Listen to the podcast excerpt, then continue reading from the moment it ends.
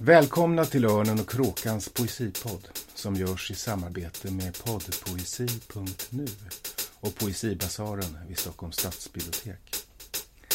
I den här podden samtalar kritiker, poeter och andra om aktuell poesi. Och så läser vi dikter förstås.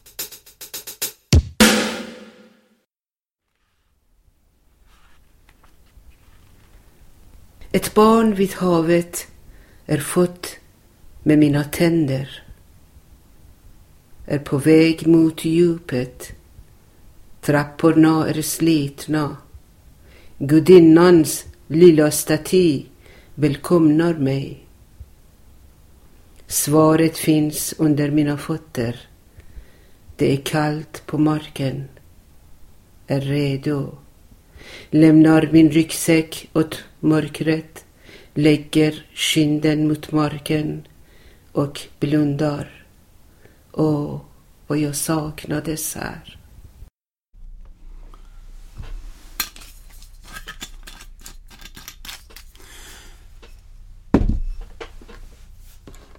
Välkomna till årets sista podd som, ja, är en sorts eh, barnbegravning. Bye bye baby. Av en 11-åring. Så ung och ändå äldre än i stort sett alla andra på banan. Fastän de har vuxit sig till miljon och miljardföretag och sitter i var mans öronmussla, hörselgång och viskar. Ja, poddpoesi.nu Nu ska du i jorden läggas kall och stel och aldrig, aldrig mer. Bye, bye. Bykyrkogården Ibland tog vi cykeln ner till gravplatsen i byn.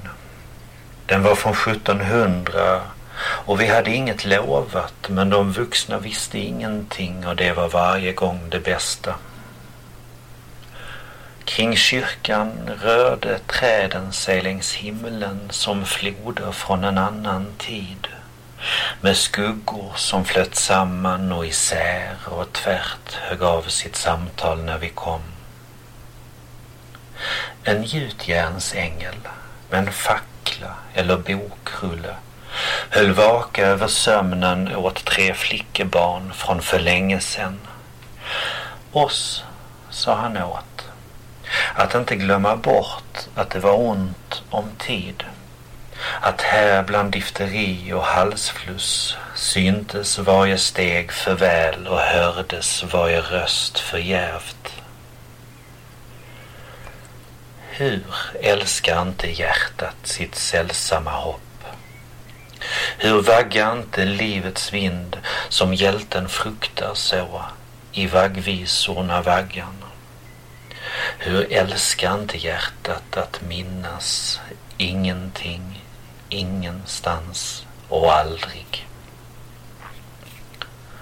Du utbyter en blick knappt märkbar med din syster. Så som denna stam, så snart vi vänt oss bort, ska utbyta en stråle vitt med teglets vita puts. Du tidens band och du om du finns men gör du inte det du tillfrisknandets sömn. Du flyter långsamt fram och länge ser du barnen framför barnens gravar. Kom nu, det är dags. Vänta bara en liten stund till. Vill du faller jag på knä. Men bokrullen du läser ur skrämmer mig inte fast den räcker till tidernas slut. Kommer denna gjutjärnsfackla att lysa mig min väg? Och kommer denna ljudlösa röst att tala? Jag ser på hur de ser oss hur de håller oss på avstånd för att urskilja oss bättre än sista gången. Ingen känner till den andra stranden och ingen ska plocka ut den kära gestalten ur denna okända vagga. Och ingen, ingen kommer att få oss att tro annorlunda.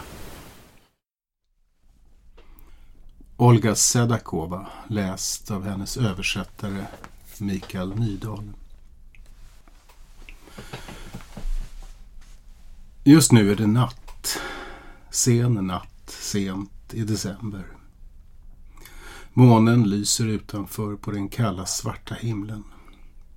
Jag sitter här ensam med hörlurar, nattlampa och en flaska rom och tänker tillbaka. 2010 gick jag runt bland svenska förlag och tidskrifter med idén om att starta ett Spotify för inlästa dikter. Spotify kändes nytt och spännande på den tiden. Streamad poesi. Alla sa mm, nja, äh. Utom Jakob Dahlborg, högsta chef på Bonnier Books. Det jättelika Bonniers jättelika bokdivision. Surprise. Lågbudget förstås, det handlar ju om poesi. Så föddes hen med guldkrona och guldtand. Och tack vare gymnasisterna Siri Karalic Mannheimer och Leolina Silkeberg som helg och sommar jobbade med att spela in och lägga upp hade vi vips en hel hög poeter och dikter som vem som helst helt gratis kunde lyssna till. Natt. Vinka. Jag ropar så från ett sovrumsfönster till en igelkott som jag vet är vaken. Jag lovar att du ska få bli min syster.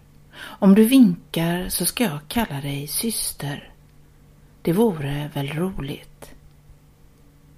Jag har funderat länge på hur denna dikt ska skrivas, börjat ett flertal gånger i natt. Jag står i fönstret och tittar efter igelkotten. En vink skulle betyda så mycket. Man har inte bara rättigheter, man har också skyldigheter.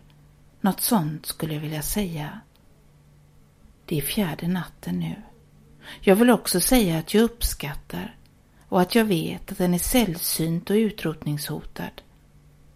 Kanske blir det krävande, kvävande rent av, det här med systerskapet. Det är något jag kom på i natt. Allting blir så ansträngt, förstorat om natten, kvavt, kvavt ja. Det var därför jag tänkte syster, syster bara. Vinka syster, tänkte jag. Ropade jag, ja. Ska det vara så svårt? Ska det vara så svårt att ta tassen? Ta tassen och vinka till en syster. Lina Ekdahl, Natt. Dikterna på poddpoesi.nu har använts på tusen olika vis. En del gymnasier har till exempel låtit eleverna lyssna den första sömniga kvarten på morgonen. På vissa bibliotek runt om i landet har människor samlats och lyssnat på dikterna, ibland i samtalsgrupper, ibland medan de sysslat med sina medtagna handarbeten. Somliga bibliotek har spelat upp en dikt från sajten i högtalarna en viss tid varje dag som ett slags Dagens dikt. Och en del har vågat sig på att göra poesiquiz med poeterna på sajten.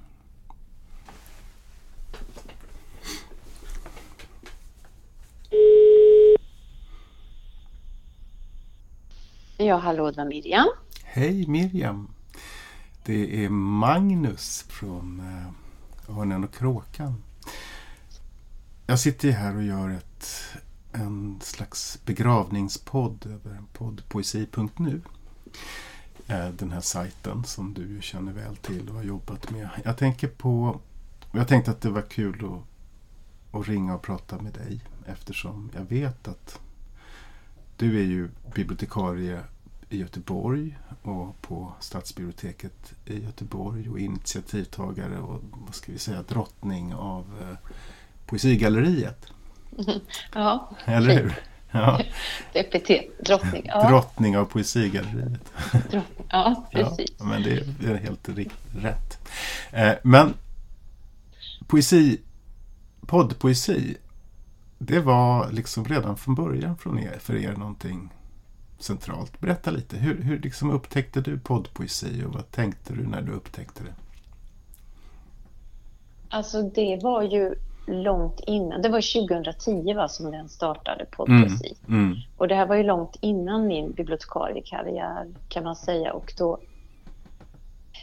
jag kommer faktiskt inte ihåg, jag upptäckte den men, men den fanns ju där. Och jag tyckte det var en sån himla bra plattform för att liksom omvärldsbevaka och hålla koll på poesin och, eh, och få lyssna till poeterna som läste. Och det var en sån bra mm, sajt för mig att som var poesiintresserad och också som att man, att man kunde dela dikter på, på, på Facebook och att man eh, kunde lyssna. Och så så det var ett, det var- ett väldigt bra verktyg att omvärldsbevaka och kunna ha koll på poesin. mm.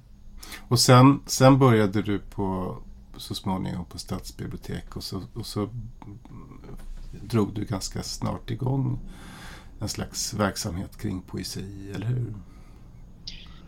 Ja, det gjorde jag. Jag ehm, hade ju jobbat lite på ett annat ett kulturhus innan.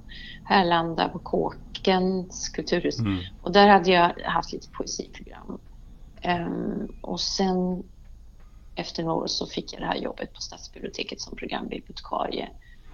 Och då kändes det kul att få jobba med poesin där. För då kunde man göra så mycket, mycket mer. Smala program och det kom publik och så det var roligt.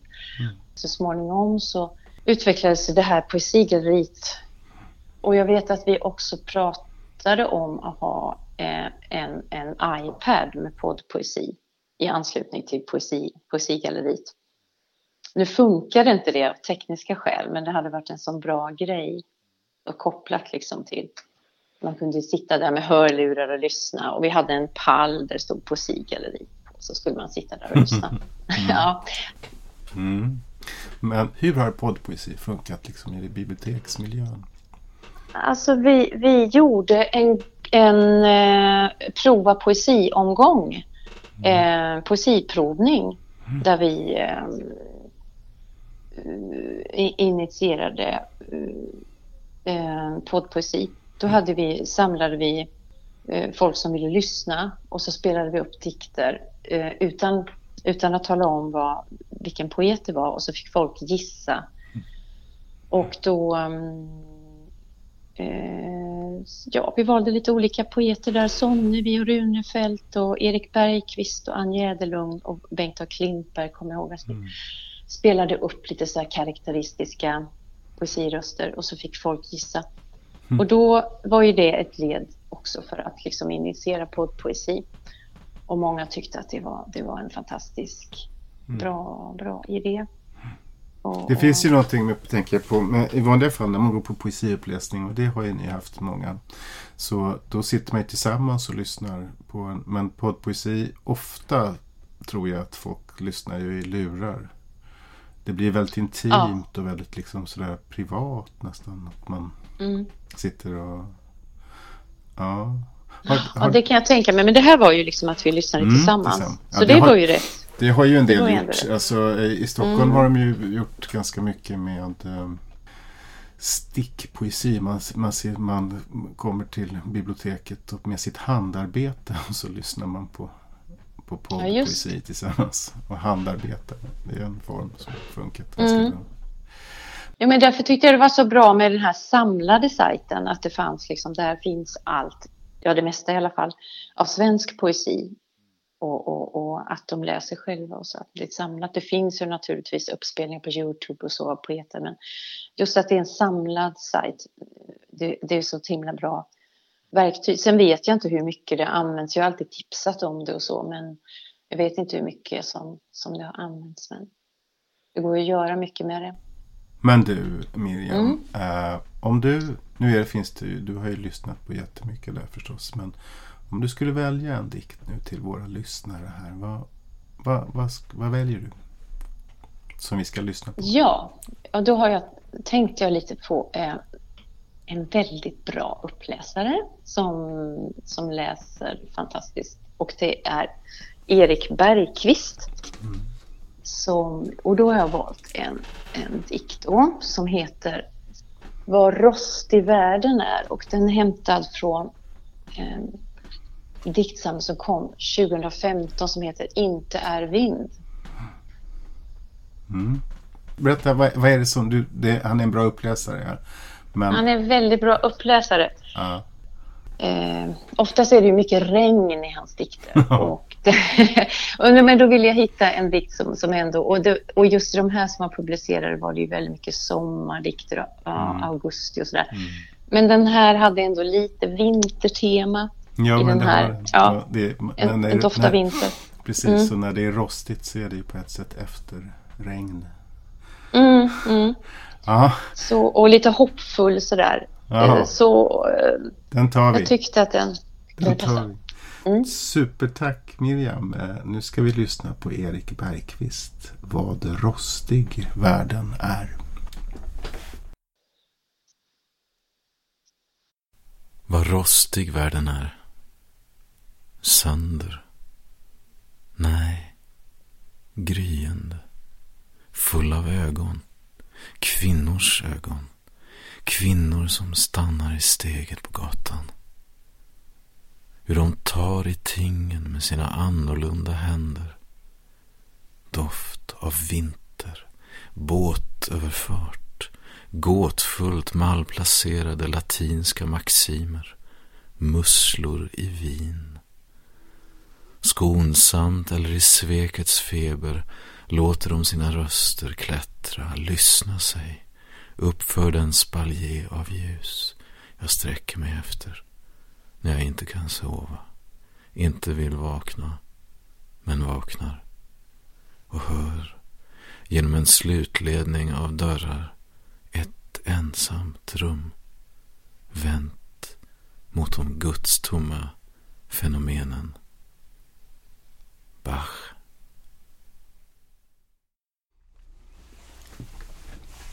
Erik Bergqvist, Vad rostig världen är. Eftersom dikterna på poddpoesi.nu är nedladdningsbara har många remixat dem.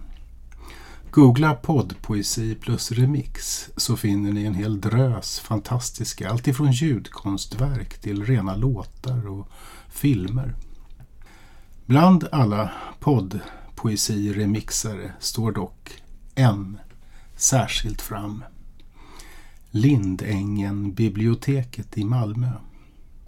Under devisen Re kolon dikt har de gjort stor konst med små gester. Jag skrev och bad dem välja den remix de själva är allra mest nöjda med. Här kommer den.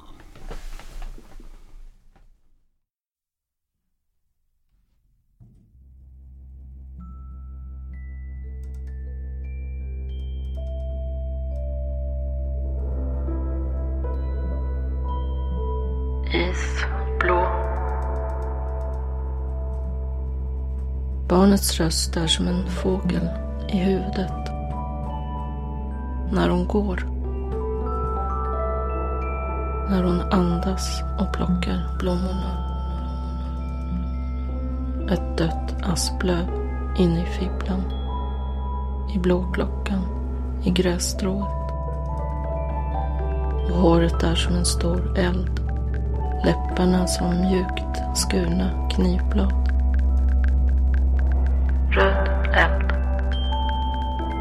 Som all eld koncentrerad en sista gång. att också du finns just nu. Här på jorden.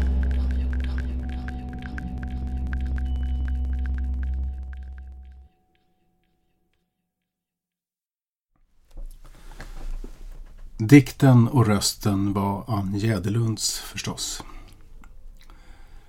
När Siri och Leolina slutade med inspelandet kom nya redaktörer till sajten. Hanna Stjernfeldt, Ludvig Köhler och så småningom även Jonathan Brott. De har gjort de flesta inspelningarna som ligger där.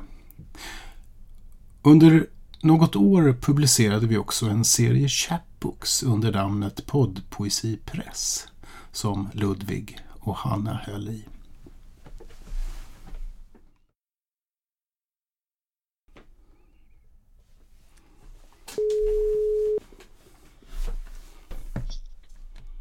Hallå, Ludvig här. Tjena Ludvig. Det är Magnus. Tjena Magnus. Hej. Tjena. Hej. Hej, Ludvig Köhler. Äh, poet, prosaist. Före, Ja. det, före detta kritiker, sa du sist vi träffades. Ja, just det. Eh, och eh, flerårig före detta redaktör och förläggare på poddpoesi.nu. Stämmer. Hur, hur känns det att sajten nu ska begravas? Nej, men det känns ju rätt overkligt. Eh, Man har ju varit så van vid dess existens och jag har ju hängt med där nu i över fem år och varit eh, delaktig i ganska många uppladdningar och ja, det känns ju tråkigt att det försvinner och det känns som en Ja, det är en era som går i graven och det är ju vemodigt. Mm. Jag är särskilt jag är, tycker alltid att det är svårt också med stora förändringar så jag tycker alltid sånt är tråkigt. Men vi kan, ja, eh, det, det, det finns, tror jag, eh, en fortsättning som det ska visa sig i den här podden eh, i, i forskningen. Ja, Men, men du, alltså du, du har ju spelat in en massa poeter som li, ligger fortfarande och snart låg på den där sajten. Kan du inte... ja. Du måste göra massa anekdoter. det, liksom, Jo, men absolut. poeter. Det har jag, Va, det har jag såklart. kan du inte berätta något? Vad va, va, vad finns det för folk som liksom speciella inspelningar? Som har Ja, förvånat dig eller, eller vad ska jag säga? Nej men eh, en inspelning jag minns väl var när jag spelade in eh, Tuva Forsström som eh, hade kommit ut med sin bok som heter Anteckningar tror jag. Mm, just det.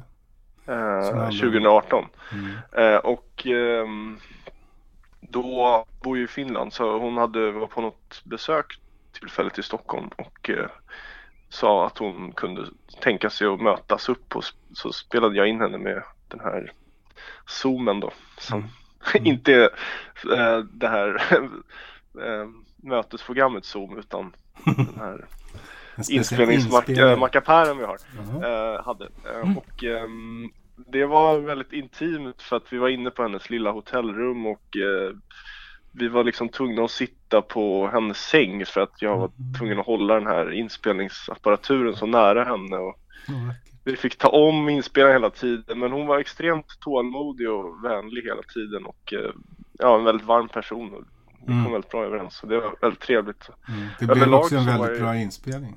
eh, Ja, det var fin. Ja. Eh, och ehm, ja, överlag var ju alla jag träffade väldigt trevliga och tillmötesgående. Det, Mm. man fick en väldigt så här positiv bild av poeter Mm. Mm. eh, överlag kände jag. Jag hade inte träffat så många poeter innan jag började med. Nej, men nu känner du Eh, hela, liksom, hela, hela den svenska poesin. Ja, men man, eh, man var ju lite så i början minns jag att jag var lite väl försiktig men sen så eh, insåg man att eh, det är helt vanligt folk som är Mm. Bra personer, många. Och Mm. eh, det var, man blev väldigt vänligt bemött och det Mm. var väldigt trevligt. Mm. Ehm, ja, spelade in Bengt af Klintberg också, det var roligt. Det var Mm. hemma hos honom i hans eh, trävilla på Lidingö. Mm. Väldigt trevligt hem. Det var kul och eh, sen spelade vi in. Vi fick ju ganska många, speciellt mot slutet så spelade många in själva och skickade till oss. Mm. Just det. men ehm, det var liksom att spegla lite teknikutvecklingen. Nu, jag menar, nu Ja, kan ju alla exakt. spela in på sina mobiler. Så det blir okej. Precis.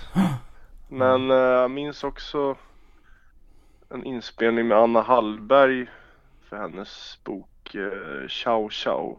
Mm. Inne på något, ehm, inne i någon skrubb eh, inne i Bonnierhuset. Det var- det en märklig känsla. Vi, man rörde sig runt där inne. Just det. Ja, man rörde sig bland de här, alla de här. Det var på den tiden, jag tror att det var inne på till och med SFs lokaler Ja, ja, inne på Bonnierhuset. ja, när just. Bonniers ägde SF. Ja. Ja, det var lite underligt bara. Ehm, Men du, sen, så, sen så gjorde ju du och Hanna Stjernfeldt eh, den där lilla chapbook-serien. Eh, som, som ju har fått, har inte den ett litet hemligt liv, fortsatt liv? Är det inte så att de där böckerna fortfarande finns i folks medvetande på något sätt? Jo, alltså vi gav ju ut fyra böcker. eh, Och sen gav vi ut en antologi. Och eh, alltså alla de som vi gav ut har ju fortsatt att skriva och läsa och delta i litteraturens olika eh, platser och rum och liksom eh, på det sättet så lever ju de namnen kvar och Mm. det var ju flera av dem som inte hade gett ut så mycket text i fysisk form och för dem tror jag att det där blev liksom en, Viktigt, ja. ja en slags grogrund till att fortsätta med det och Sen var det ju, Ehm. är det ju väldigt fin form på de här böckerna. Det blev verkligen en ganska lyckad chapbook-form tycker jag. Både hur, stor, hur Ja. små de var och liksom hur de såg ut. Och de, borde, Ja, de, kommer nog, bli- de kommer nog bli antikvariskt heta så småningom tror jag. De där. ja, vi får se.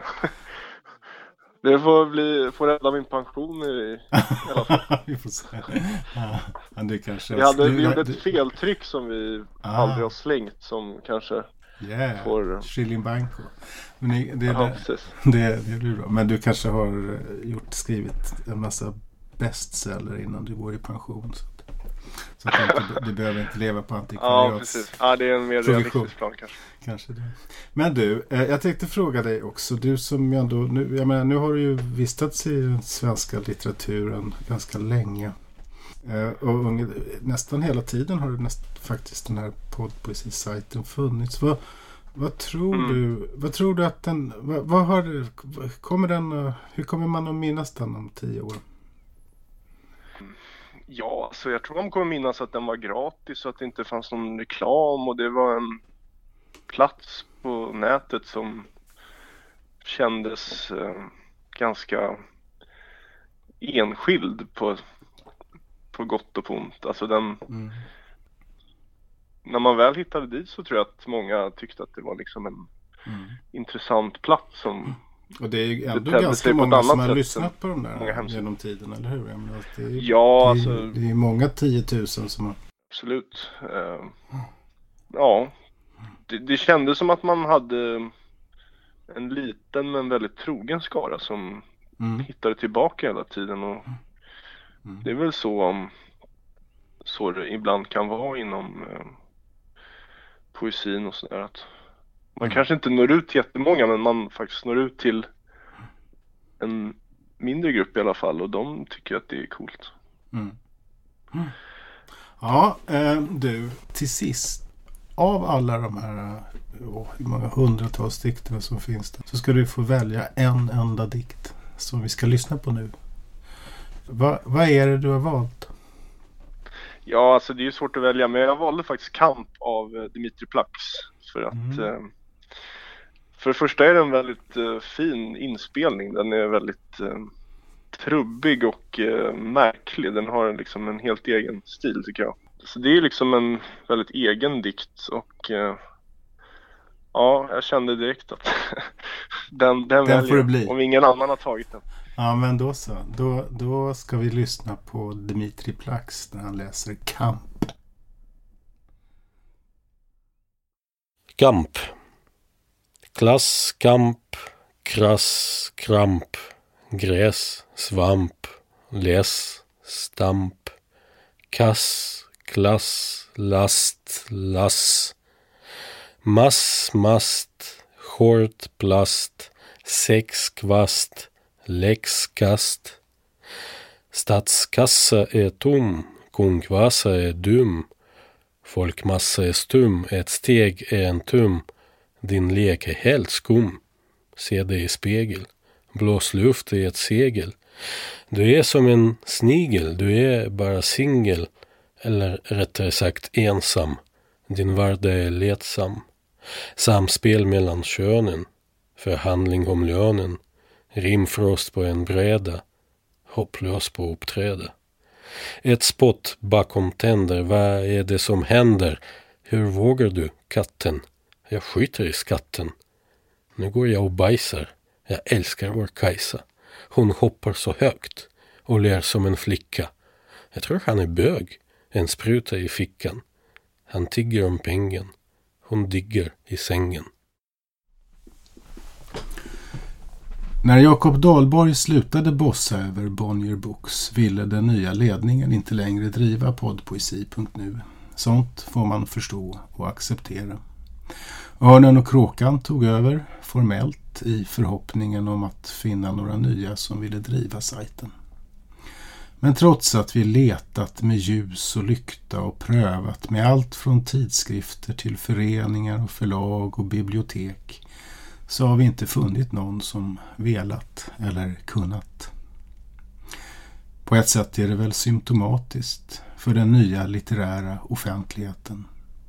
Alla, från enskilda poeter till förlag till bibliotek, lägger sin kraft och sina resurser på att själva göra och posta filmer och poddar och inlägg och bilder i förhoppningen om att sprida de egna produkterna istället för att ja, odla något gemensamt och varaktigt. Men nu är det kanske bäst att jag tar en klunk rom så att jag inte blir grönare än gräset som Sappho skriver.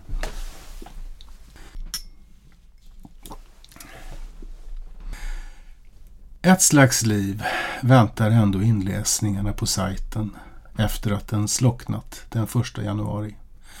Nämligen i forskningen.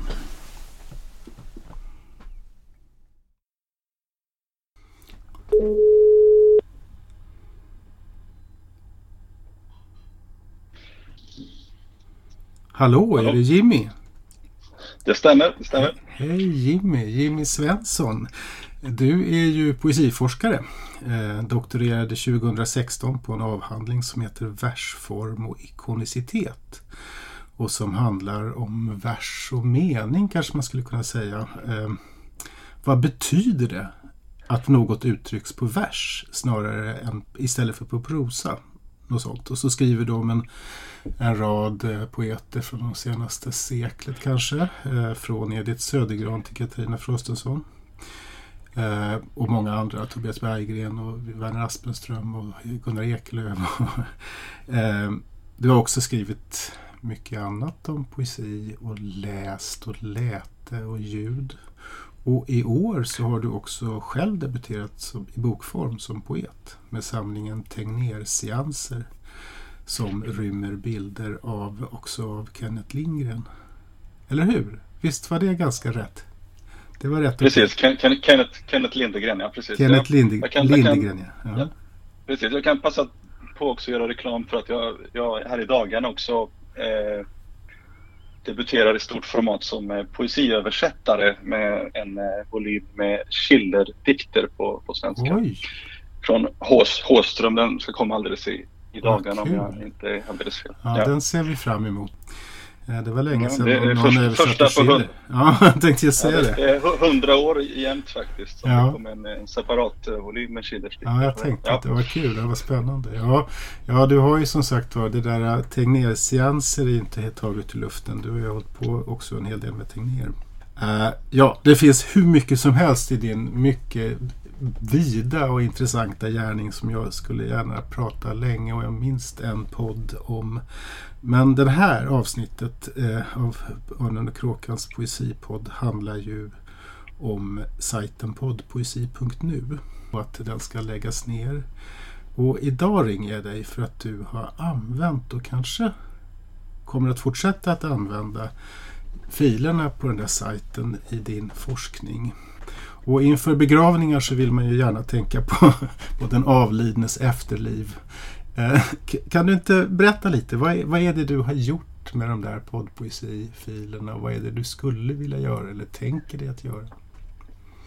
Ehm, det är väl lite olika saker och, och anledningen till att jag valt poddpoesi var, var väl att jag ganska tidigt när jag började intressera mig för ljud och uppläst dikt så, så upptäcker man det, liksom den här svårigheten att skriva om ljud och man upptäcker det här problemet i allt som tidigare har skrivits om ljud att det blir väldigt abstrakt och lite glidande om man liksom inte har direkt tillgång till den, just den uppläsning man skriver om. Liksom. Så att, därför var det liksom viktigt för mig att, att det jag skriver och sen att min läsare direkt ska liksom med två knapp eh, tryck bort ska kunna liksom höra det här. Så att, men, eh, så att det var väl det stora, liksom just tillgängligheten. Både och sen, alltså tillgängligheten för mina läsare men också för min egen del att, att, att poddpoesi liksom uppmuntrar till liksom nedladdning i MP3-format vilket ju behövs för, för att man ska kunna göra liksom, eh, mätningar och sånt vilket jag har gjort till viss del. Så att jag har dels gjort en, en närstudie av tre poeter, nästan av allt material som finns på sajten men sen håller jag på med nu eller har precis gjort klart en liksom studie av eh, samtliga poeter på sajten. Och det blir ju ett ganska liksom rejält eh, tvärsnitt liksom ur den eh, svenska samtidspoesin. Så att det är också en stor fördel att det var ett ganska rejält material. Och kanske den, största, den största samlingen av, av samtida uppläsningar. Så att man, man, man, kan ändå, man kan ändå utifrån materialet säga något om Mm. våga sig på att säga något om, uppläsningen generellt hur den ser ut. Du är ju också, du sysslar ju också med kritik och har- bra överblick på, på den skrivna poesin förstås. Och tycker du att eh, den svenska samtida poesin ter sig liksom annorlunda betraktad från inläsningarnas håll än ut- utifrån texternas håll? Alltså finns det några signifikanta skillnader man, som man upptäcker? Ehm, ja, nej, kanske inget just, just specifikt för den svenska, men, men det är klart att det är klart att eh, man- man slås ju av att, eh, att eh, svenska poeter, utan att nu göra några jämförelser, men att, att, att uppläsningen är ju uppenbarligen viktig i så mån att, att poeterna läser på ett ganska liksom eh, utstuderat eh, stiliserat sätt i regel. Liksom. Det, Mm. det är väl så. Jag, jag vet inte om det skiljer sig så mycket ifrån, men jag menar i viss amerikansk uppläsningstradition finns ju ett mer liksom nästan utstuderat talspråkligt. Liksom. Jag, jag tycker nog att de svenska poeterna i regel är ganska Mm. eh, elaborerade liksom, i sina Mm. uppläsningar. Det finns en, Ja, en, en, en eh, tradition, en- ett stiliserad sätt. tanke. Ja, du, skriver, du har Ja. skrivit om det i en uppsats i, i eh, vad heter den tidskrift? Nordisk lyrik heter den. Precis, ja. Mm. Ja, Mm. ja, men det, ja, men det där är en intressant iakttagelse. Jag tänker på en annan sak som eh, nu, eh, du som har intresserat dig för hur eh, poesi betyder. Det är att, att den här streamade litteraturen är ju, präglas ju av att eh, man lyssnar på den på olika ställen i helt andra situationer. I, i, i ljudbokssammanhang så brukar folk hela tiden prata om disk, att man, när man diskar. Och, det kan ju vara när man åker tåg och när man är ute och går och sådär. Ehm, jag undrar, eh, hur, vad betyder det tror du att, eh, vad betyder platsen och det geografiska och kanske det koreografiska eh, momentet för, för poesins meningsskapande i, i, den här, i den här, den här, när man lyssnar till poesi på det här sättet? Har du, har du, har du, tänker du på dig själv? Har du tänkt på dig själv? Eh, alltså jag har väl mest tänkt på det i, i uppmärksamhets... Eh, liksom att, att uppläsningen ofta kan liksom hjälpa en att, att komma in i dikten genom att den, den, den tvingar en att mm. helt enkelt, eh, den, den koncentrerar perceptionen, den, den, den saktar ner. Liksom jag, jag, jag, kommer ofta på mig själv när jag, när jag får en, en diktsamling i handen att jag bläddrar igenom den. Liksom, mm. och att, att det, man blir lätt otålig. Liksom. Så jag, jag, tänker mer att i det perspektivet så, mm. så betyder det mycket för mig att man liksom just, man, man kan liksom tycker jag har läst någonting och sen när man får höra det på dagens dikt eller något sånt där så oj, men den har jag ju mm. läst men det var inte mm. alls så här liksom. För att mm. man inte gav sig tid kanske att eh, så, så kanske mer ur det, det perspektivet har... Men, men jag tänker det, det, det, finns ju en rakt motsatt rörelse. Alltså det ena, du talar om att hur man kommer in i dikten. Men man tar också med sig dikten ut i världen när man lyssnar på den i lurar. Mm, mm. Eh, på något sätt och går omkring the soundtrack of your life. Mm, eh, mm. liksom fenomenet att man liksom går omkring ja, på stan förstås. och lyssnar på Ann mm. Gädlund. Liksom. Mm, eh, det är väl något jag inte kanske har reflekterat Nej. över själv så mycket. Men, men eh, men eh, det, det, är klart att det eh, Personligen upplever jag kanske att, att det är svårare att göra så med dikten än vad det är med liksom en, en eh, roman som är inläst eller någonting. Mm. Man, man pallar helt enkelt inte lika mycket av, av poesi eftersom den, den är så koncentrerad och man blir mm. mätt ofta efter två, tre dikter. Så jag, jag, mm har nog kanske inte helt enkelt inte tagit med den ut så mycket ja. av det skälet att, att den inte riktigt äh, lämpar sig för långlyssning. Jag förstår. Ibland. Men du, äh, du, du, du kanske är en av de som har äh, lyssnat no mest noggrant på, på den där sajten. Om du skulle till sist så här i detta lilla samtal, om du skulle välja en dikt för den här poddens lyssnare att lyssna på, vilken, vilken skulle du välja då? Eller vilken väljer du då? Ja, det får nog bli en dikt som jag också har, har skrivit en del om. Det är Jenny Brangborgs, eh, vad heter den nu, Vi vakade in morgnarna tror jag den heter. Just eh, en fantastisk eh, inläsning på många sätt. Eh, Berätta ja. varför, varför tycker du att den är...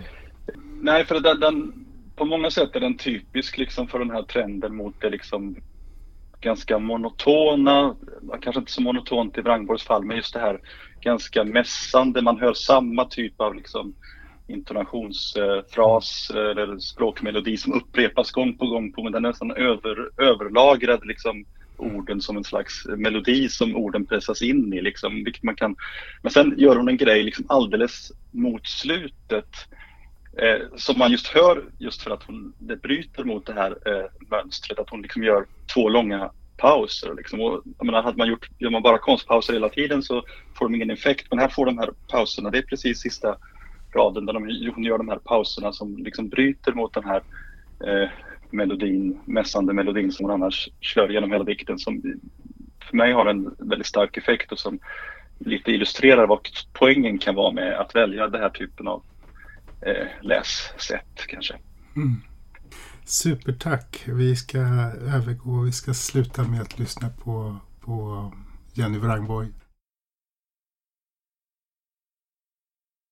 Vi vakade in morgnarna. Vi vakade in morgnarna i skrynkliga lakan. Innan grannarna åkte till jobbet och bussarna sjöng en annan melodi. Världen gjorde inbrott i lägenheten. Verkligheten där utanför landade på vår hallmatta. Blodet från gränderna rann in genom vårt brevinkast. Vi lät det göra ont. Vi satt säkert vid köksbordet. Där trycksvärtan blandade sig med skriken. Där tryckvågen slog ut våra fönster. Där du slets i bitar och jag sträckte mig efter flingorna. Jenny Wrangborg, Vi vakade in morgnarna. Alla ens ungar kan inte överleva. Bye bye poddpoesi, My Little One. När du föddes var det fortfarande glest och ödsligt som på kalfjället i ljudvärlden. Nu är det trängre än i en rullstensås. Nya plattformar, nya poddar, låtar, böcker, fler och fler och mer och mer. Du blev aldrig tonåring och är ändå redan en åldring. Så kan det gå. Till sist, my darling, en personlig tribut från mig, din mamma Magnus. Gloria Scherwitz och därefter jag själv som läser September, slutet av den stora dikten Migrationes. Bye bye.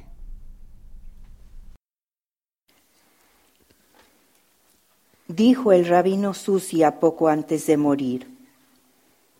Cuando esté ante las puertas del cielo no me van a preguntar por qué no fuiste Moisés, sino por qué no fuiste sucia, por qué no llegaste a ser lo que solo tú podías llegar a ser.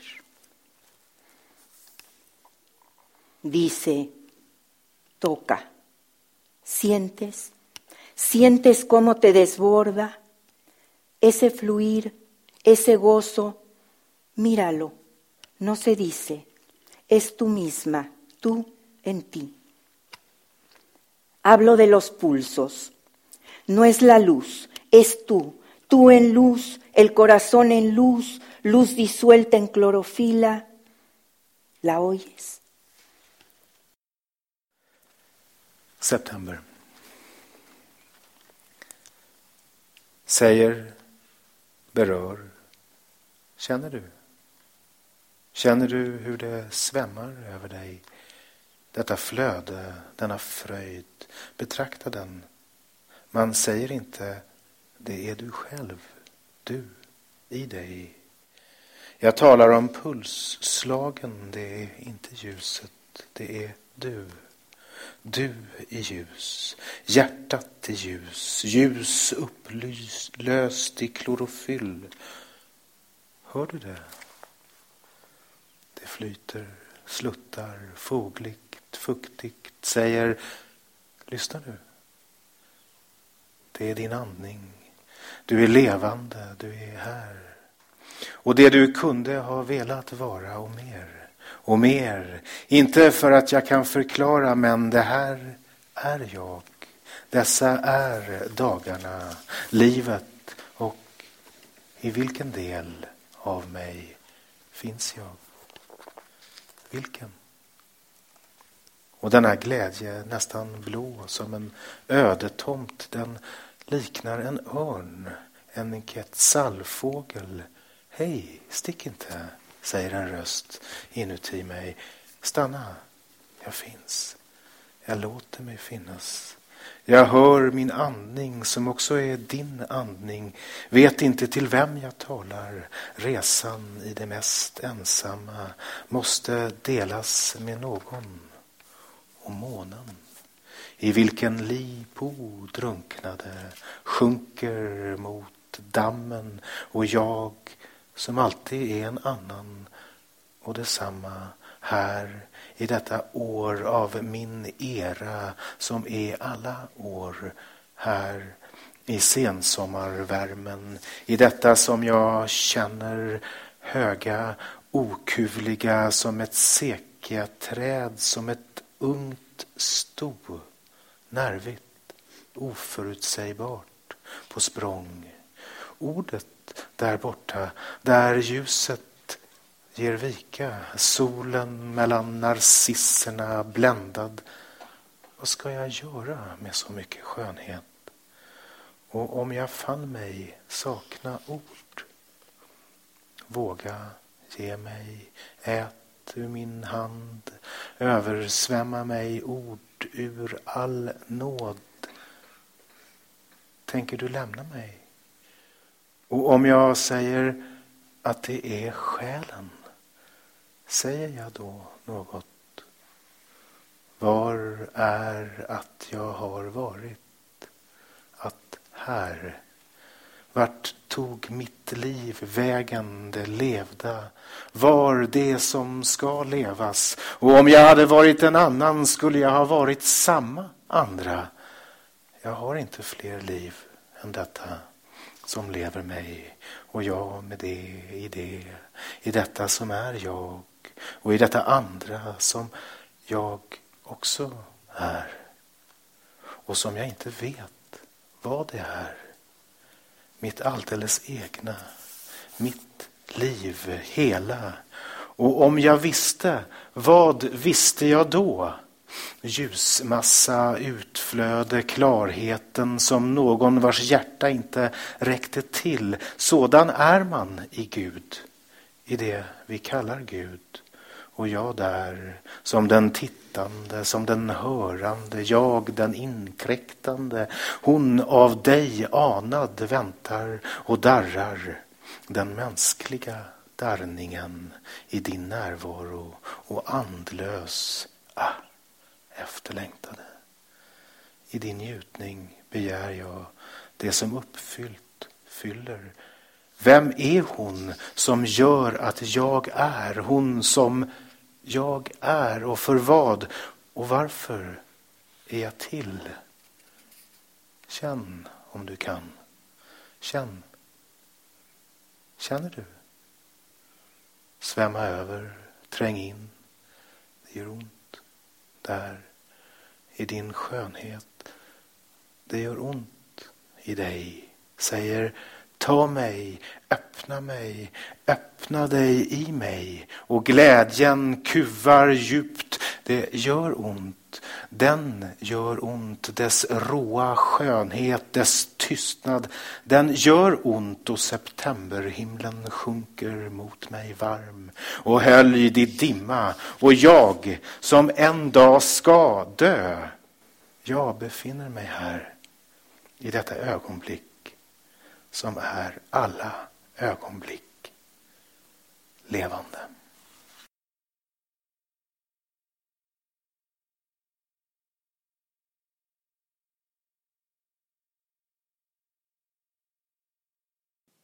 Du har lyssnat till Örnen och kråkans poesipodd. Läs mycket mer om aktuell poesi på ornenochkrakan.se